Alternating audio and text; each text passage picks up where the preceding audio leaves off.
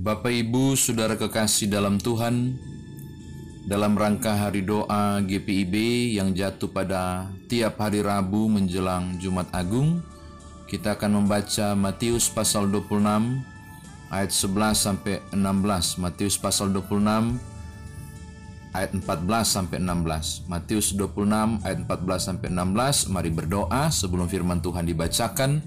Kami mau mendengarkan firman-Mu, ya Bapa tolonglah kami untuk memahami dan mengerti, lalu kemudian melakukan dalam hidup beriman kami, teristimewa memaknai peristiwa yang semakin dekat Jumat Agung kematian Yesus Kristus. Demi Tuhan Yesus Juru Selamat kami berdoa. Amin. Matius 26 ayat 14 sampai 16 Lembaga Alkitab memberi judul Yudas mengkhianati Yesus. Kemudian pergilah seorang dari kedua belas murid itu yang bernama Yudas Iskariot kepada imam-imam kepala. Ia berkata, "Apa yang hendak kamu berikan kepadaku, supaya aku menyerahkan dia kepada kamu?" Mereka membayarnya, membayar 30 uang perak kepadanya. Dan mulai saat itu, ia mencari kesempatan yang baik untuk menyerahkan Yesus. Demikian firman Tuhan, saudara dan saya dikatakan berbahagia jika mendengarkan firman Tuhan ini dan merenungkannya. Bapak Ibu Saudara, saya yakin ketika menyebut nama Yudas sudah tidak bisa dirubah lagi konotasinya menjadi jelek karena seluruh Injil memberi label negatif tentang nama Yudas ini yang dipartnerkan dengan asal tempatnya Iskariot. Contoh misalnya Lukas 6 ayat 16 menyebut Yudas yang kemudian menjadi pengkhianat. Lihat itu tambah keterangannya itu. Atau Markus 3 ayat 19 yang mengkhianati dia. Atau Yohanes 6 ayat 71 sebab dialah yang akan menyerahkan Yesus. Jadi ketika ada label yang dipasang, maka konotasi ketika menyebut Yudas sudah pasti negatif. Andai kata Bapak Ibu Saudara malam ini ada yang berencana barangkali usia perkawinan masih bolehlah untuk dikaruniai anak dan akan mendapatkan anak laki-laki. Lalu saya menawarkan adakah di antara saudara yang bersedia memberi nama Yudas? Saya yakin tidak ada di antara Bapak Ibu Saudara yang mau melakukannya. Saya berhayal andai kata si sulung saya ini namanya Sevan kan Sevanya Alden Jepun Aipasa. Kalau dirubah nama keduanya jadi Sevanya Yudas Jepun oh Tuhan. Wow, sesuatu yang tidak menyenangkan menggunakan nama itu. Tapi tahukah Bapak Ibu, Sebenarnya nama ini sangat baik. Sebenarnya nama ini tidak ada konotasi negatifnya dalam pengertian. Saya sudah pernah jelaskan bahwa Israel acap kali menggunakan dan memberi nama kepada anak berhubungan dengan kerinduan orang tua. Ini mau jadi apa dia? Tentang contoh yang saya sebut Yesus, Yesus dan seterusnya nama-nama yang lain itu yang diangkat atau yang diambil itu Musa itu dan seterusnya. Nah kata Yudas ini, Yudas ini sebenarnya bentuk helinisasi dari bahasa asli Ibrani atau begini supaya bingung. Ini adalah nama yang diyunanikan Yudas ini atau contoh begini kalau Bapak Ibu bahasa Inggrisnya Jesus diindonisasi menjadi Yesus. Nah, Yudas ini sebenarnya asli namanya Yehuda. Dihelenisasi atau diyunanikan akhirnya bernama Yudas. Nah, Yudah Yehuda ini atau Yudas ini punya arti menarik. Dia yang bersyukur, dia yang memuji Orang yang bersyukur dan hobinya memuliakan Tuhan disebut Yahuda atau Yudas. Para paduan suara yang mengagungkan nama Tuhan Yehuda, Yudas. Itu Yudas, kalian itu Yudas. Yudas loh. Selamat datang Yudas. Karena artinya itu pemuji dan pemuliaan nama Allah. Tapi karena diberi konotasi label negatif itu karena perbuatannya perhatikan, karena perbuatannya benarlah apalah arti sebuah nama. Makna nama akan berkesan oleh apa yang dikerjakan oleh mereka yang menggunakan nama itu. Karena Yudas berkhianat, maka sampai sekarang tidak ada orang yang pakai nama Yudas kecuali ada petinju dari Brasil saya kaget karena dikasih nama Yudas. Mungkin dia sudah mengalami pencerahan. Karena Yudas berarti pemuji. Bukan pengkhianat. Kata Iskariot Bapak Ibu itu sebenarnya berarti orang Keriot. Dikenal di kota Keriot Hesron. Itu berada di daerah Yudea. Maka saya mau bilang begini Bapak Ibu. Dari 12 orang murid ini menarik. 11 di antaranya asli Galilea. Cuma satu yang dari Yudea Yudas. Pesisir Galilea terkenal dengan pantainya. Dan acap kali disebut bahwa sebagian besar mereka adalah nelayan. Yudas tidak ditahu datanya. Yang pasti dia bukan orang Galilea, orang Yudea dan daerah-daerah Yudea terkenal dengan orang-orang yang memiliki pemikiran yang cukup tinggi, berpendidikan dan berkelas. Ulangi, berpendidikan dan berkelas dibanding dengan para nelayan Galilea. Nah ini menarik nih. Karirnya juga menarik kalau dikaji. Dari sekian banyak orang yang ikut berombongan dengan Yesus ke mana pun Yesus pergi, tiba-tiba dia cuma ambil 12 orang yang dari status pengikut menjadi murid khusus yang disebut rasul. Itu saudara bisa rujuk Markus pasal 3 ayat 13 sampai 19. Dan ajaibnya, Salah satu yang terpilih adalah Yudas. Yehuda ini terpilih. Ini menariknya. Bahkan menurut Injil Yohanes pasal 12 ayat 6 dia diberi tugas khusus barangkali karena kemampuannya saya bilang terpelajar daerah sana mungkin dia jago menggunakan kalkulator belajar aljabar yang begitu hebat, otak bisnisnya jalan barangkali, dia dipercayakan oleh Yesus dan kelompok 12 itu untuk megang dana, uang para murid dan uang Yesus dan mengolahnya. Dia jadi bendahara. Saya bilang ini rada aneh, kenapa? Karena ada satu orang pesaing di kelompok 12 yang disebut rasul yang juga ahli hitung-hitungan tentang duit. Bapak Ibu pasti tahu. Siapa? Ya, Matius si pemungut cukai. Uh, dia jago soal itu. Yesus datang di sini kau, ikut aku. Aku, ikut aku. Jadi muridku. Dia juga termasuk kelompok 12. Tapi Yesus tidak percayakan duitnya pada Matius. Yesus percayakan kepada Yuda, Yehuda ini. Yudas. Saya mau ajak Bapak Ibu untuk obat pemikiran saudara yang negatif tentang Yudas. Saya mau maksud begitu saya mau arahkan. Bahwa betapa Tuhan memandang dia sangat positif. Orang ini sangat berpotensi. Makanya dipercayakanlah seluruh dana untuk dia kelola. Bapak Ibu keliling-keliling berjalan dari satu daerah ke daerah yang lain itu bukan cuma modal iman Bapak Ibu. Butuh dana. Maka ketika mereka makan, dari mana mereka makan di lantai dua itu untuk perayaan Paskah?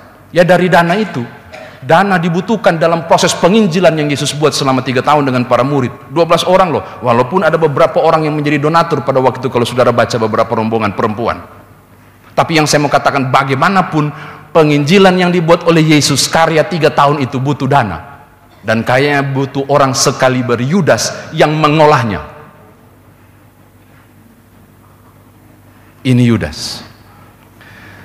Dari sisi positif itu, Bapak Ibu Saudara,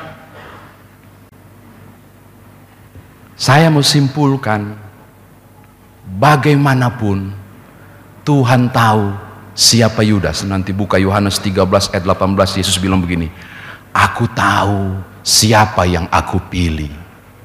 Dalam konteks itu berbicara semasa-masa akhir Yesus. Berarti saya tahu skillnya Yudas, saya tahu kemampuannya, saya tahu segala sesuatu tentang apa adanya dia. Kata Yesus juga di teks yang lain di Yohanes, dan aku tidak pernah salah pilih orang. Bukan kamu yang memilih aku, tapi aku yang pilih kamu. Di pertegas Yohanes 18, aku tidak pernah salah pilih. Tapi di balik taunya Yesus ada aspek yang lain. Dia tahu juga bahwa anak ini, nah saya punya catatan menarik dengan Bapak Ibu. Markus Yohanes 17 ayat 12. Ini lembaga Alkitab Indonesia dia terjemahan dengan yang ditentukan untuk binasa.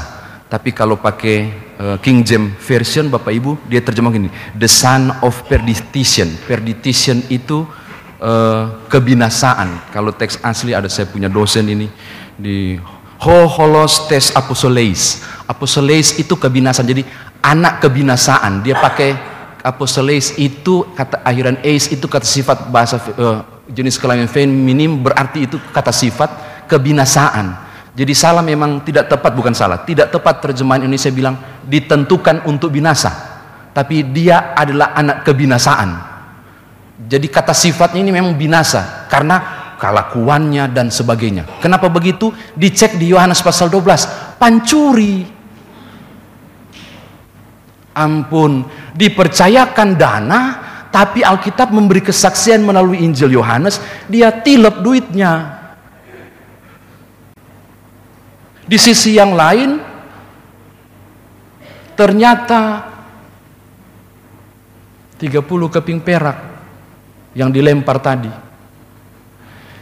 Jadi aku tahu siapa yang aku pilih berarti Tuhan tahu potensi Yudas. Tapi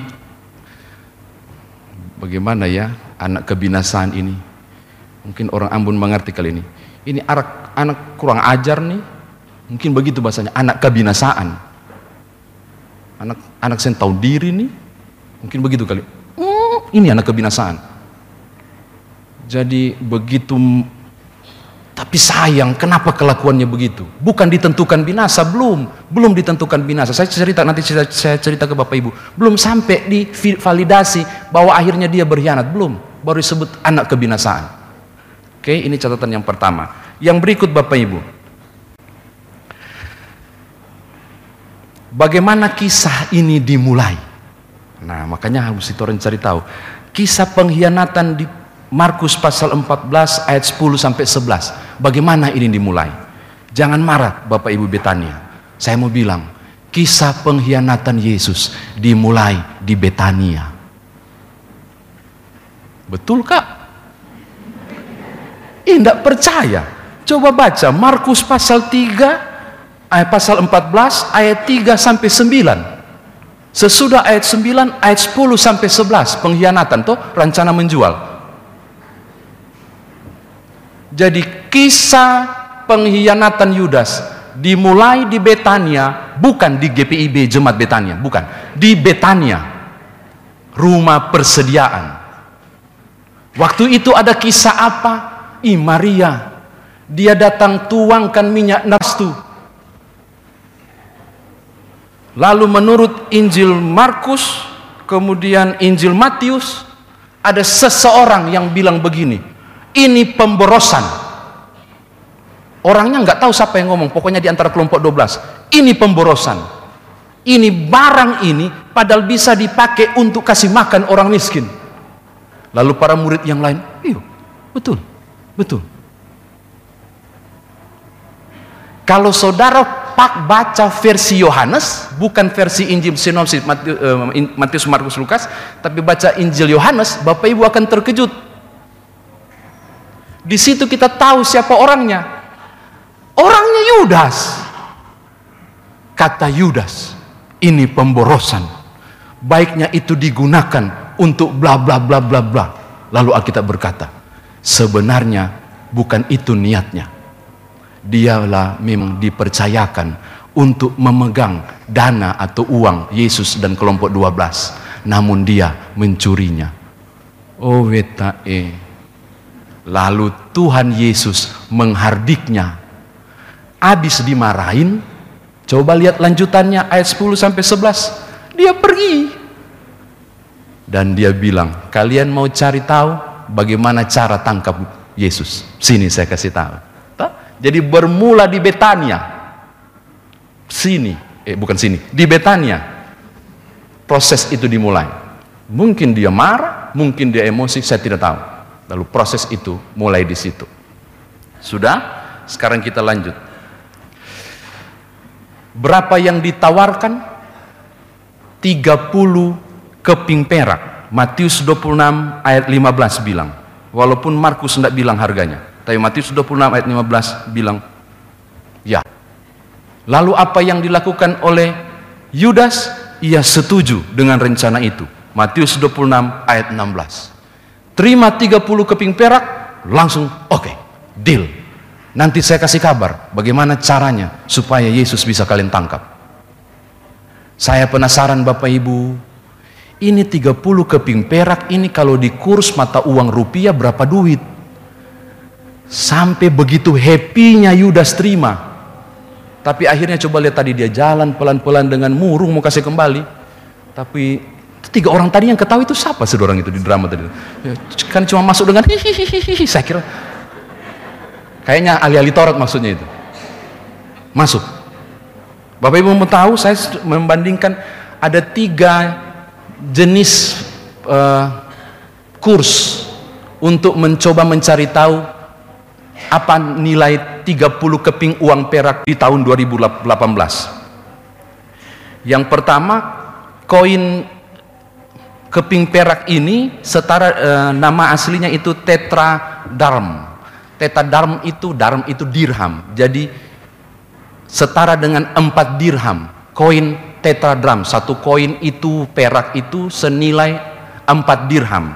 Nah satu dirham itu Oh itu dibuat tahun 14 sampai 15 Masehi. Ini koin ini, koin perak ini satu keping perak itu setara 4 dirham. Satu dirham itu 16 sen uang dolar Amerika Serikat. Satu keping perak tentra, tentra dirham itu atau 4 dirham itu 4 kali 16 sen. Maka 64 sen. Berarti kalau 30 keping perak itu 64 sen kali 30 1920 sen dengan kurs kurs sekarang 13.000 maka harga Yesus itu setara dengan 250.000 kurang 400 rupiah atau 249.600 mau beli handphone yang cuma bisa SMS sekarang nggak dapat karena itu 300 ribu setahu saya itu harga Yesus menurut versi kurs yang pertama. Yang kedua menurut Wikipedia. Kalau ini bisa dipegang juga keasliannya. 30 teta dirham itu setara dengan gaji 4 bulan atau 120 hari seorang buruh. Maka kita mendapatkan menurut peraturan terbaru tahun 2018 harga membayar buruh satu bulan tidak boleh kurang di Makassar. Tidak boleh kurang satu bulan 2,7 juta. Maka 2,7 juta kali 4 lumayan. 10 juta 800 itu setara kalau nggak salah Samsung Note 8 Engage ada yang pakai nah itu harga Tuhanmu oke okay? tapi ada juga yang terakhir dan banyak penafsir menyetujui yang ini ada juga yang mengatakan satu uang perak itu harganya sedinar atau seharga dengan satu hari bayar buruh pekerja kasar. Dan saya cari data kemungkinan besar harga buruh sekarang siapa yang pegang proyek di sini? Ada Ibu Rofis tahu saya. Bayar berapa itu satu orang per hari? Mungkin 100 ribu sampai 150 ribu Kalau saya tidak keliru Kita bulatkan saja 150 Maka kita dapat angka 30 kali 150 4 juta 500 itu setara dengan Samsung Note 5 bekas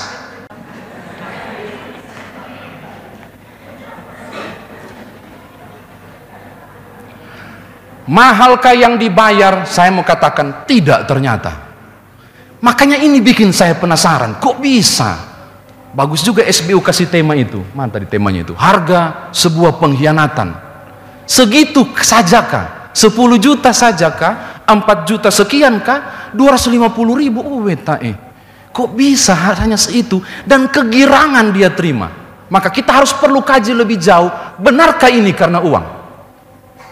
Beberapa penafsir mengatakan hampir mungkin bukan karena uang. Karena sebagian besar mereka para pendatang dari Yudea, eh Yudea tadi atau dari mana namanya? Ya, pada zaman waktu Yesus itu bergabung dengan gerakan selot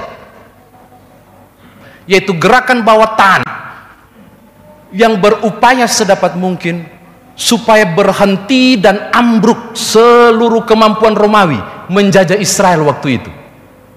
Gerakan bawah tanah orang, asli orang Israel yang ingin merdeka dari Romawi. Maka sangat mungkin, sangat mungkin barangkali ini faktor politis.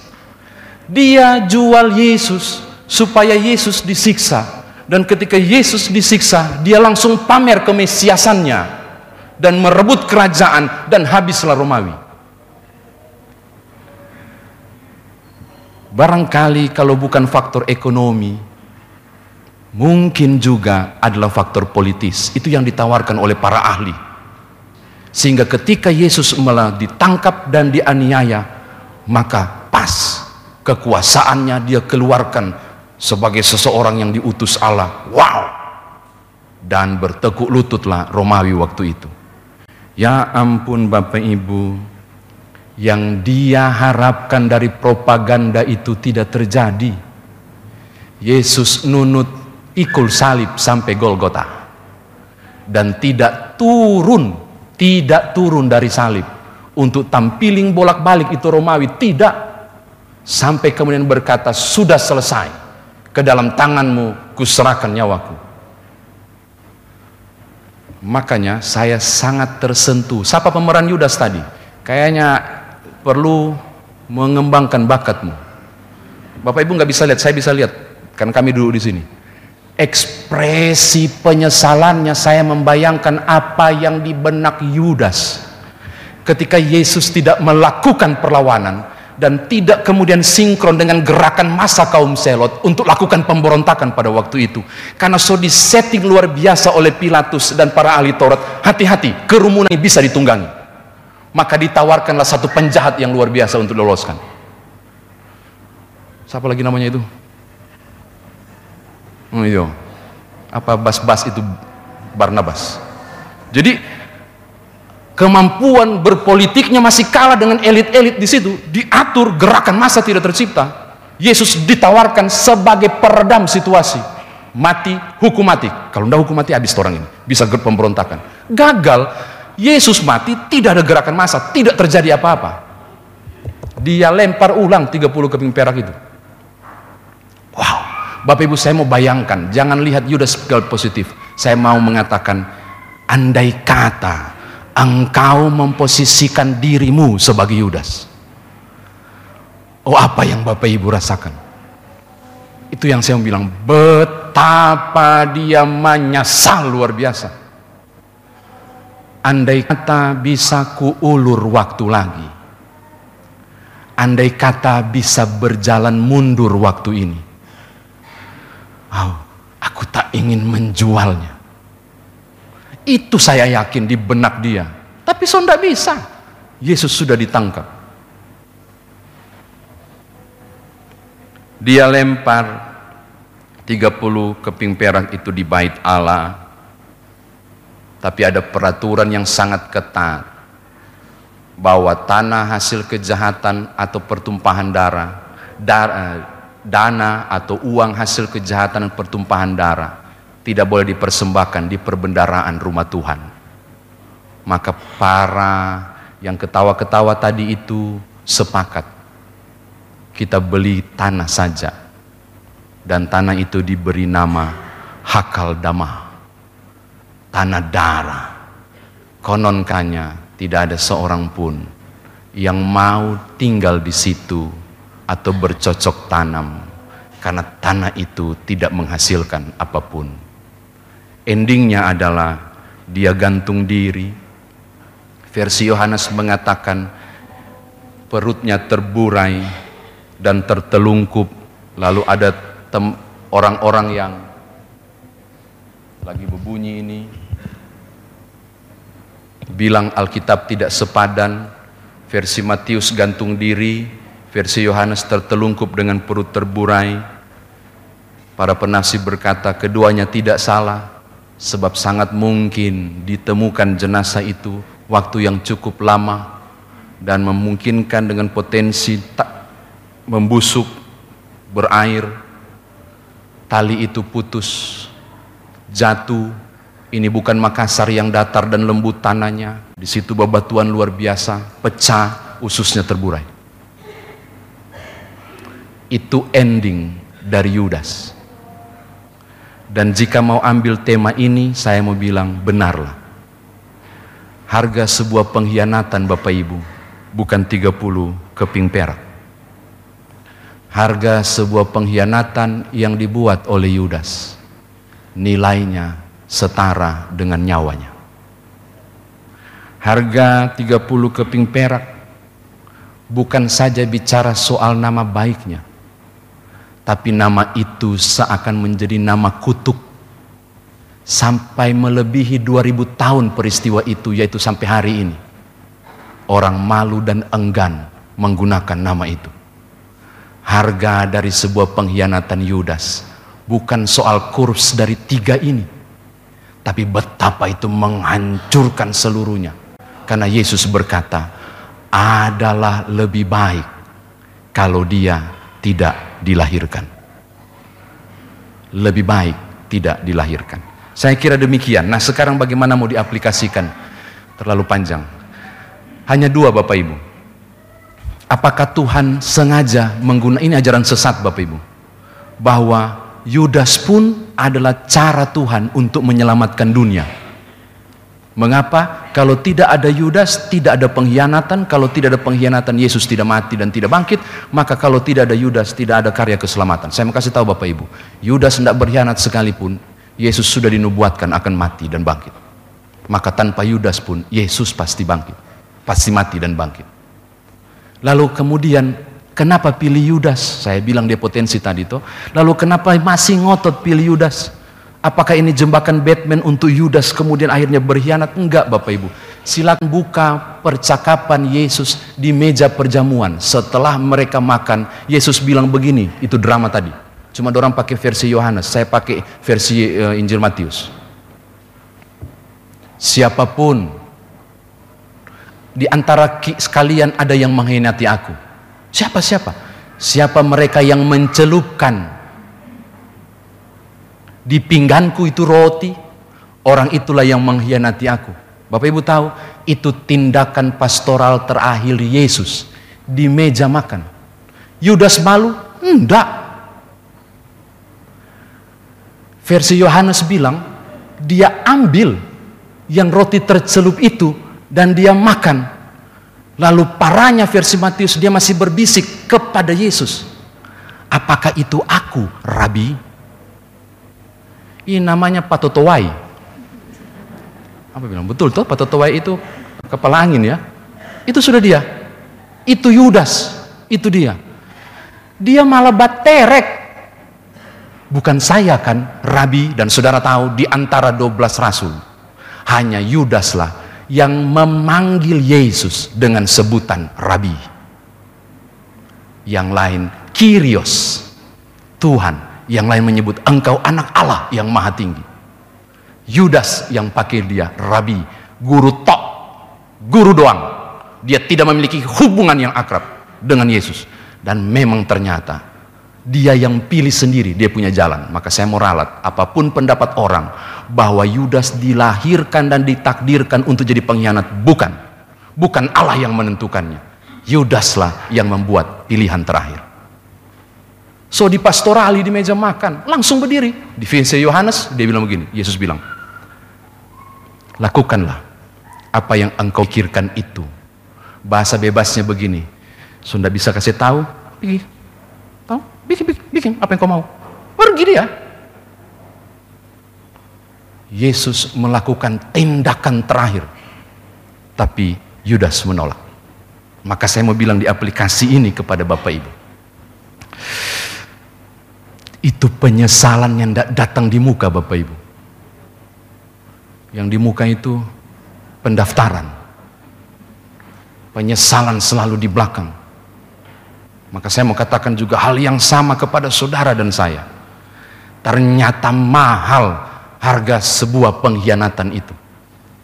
Kiranya Bapak Ibu tak tergolong di deretan nama Yudas. Tapi andai kata itu pun terjadi, di tengah jalan Bapak Ibu buang salib, saya mau kasih tahu, jangan gegabah. Karena ada satu tokoh pengkhianat yang lain yang bisa jadi contoh. Petrus. Ada orang bilang, Petrus menyangkal, cuma menyangkal kalau Yudas berkhianat. Saya bilang sama Ki, mau Petrus ke mau Yudas sama statusnya, pengkhianat, menyangkal sama dengan apa? Pengkhianat. Bukan, bukan, bukan.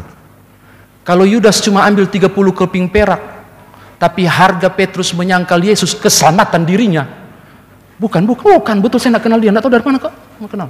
Sama, itu pengkhianat, tapi membedakan si pengkhianat pertama dan pengkhianat kedua gampang. Yudas mengakhiri pengkhianatannya di tiang gantungan atau di pohon kah di mana dia gantung saya nggak tahu. Tapi Petrus mengakhiri pengkhianatannya ke tembok ratapan, menyesal dan minta ampun dan mohon ampun. Dan Yesus yang tergantung itu sebenarnya tergantung untuk Yudas dan tergantung juga untuk Petrus. Cuma Yudas mengakhiri dengan cara yang salah.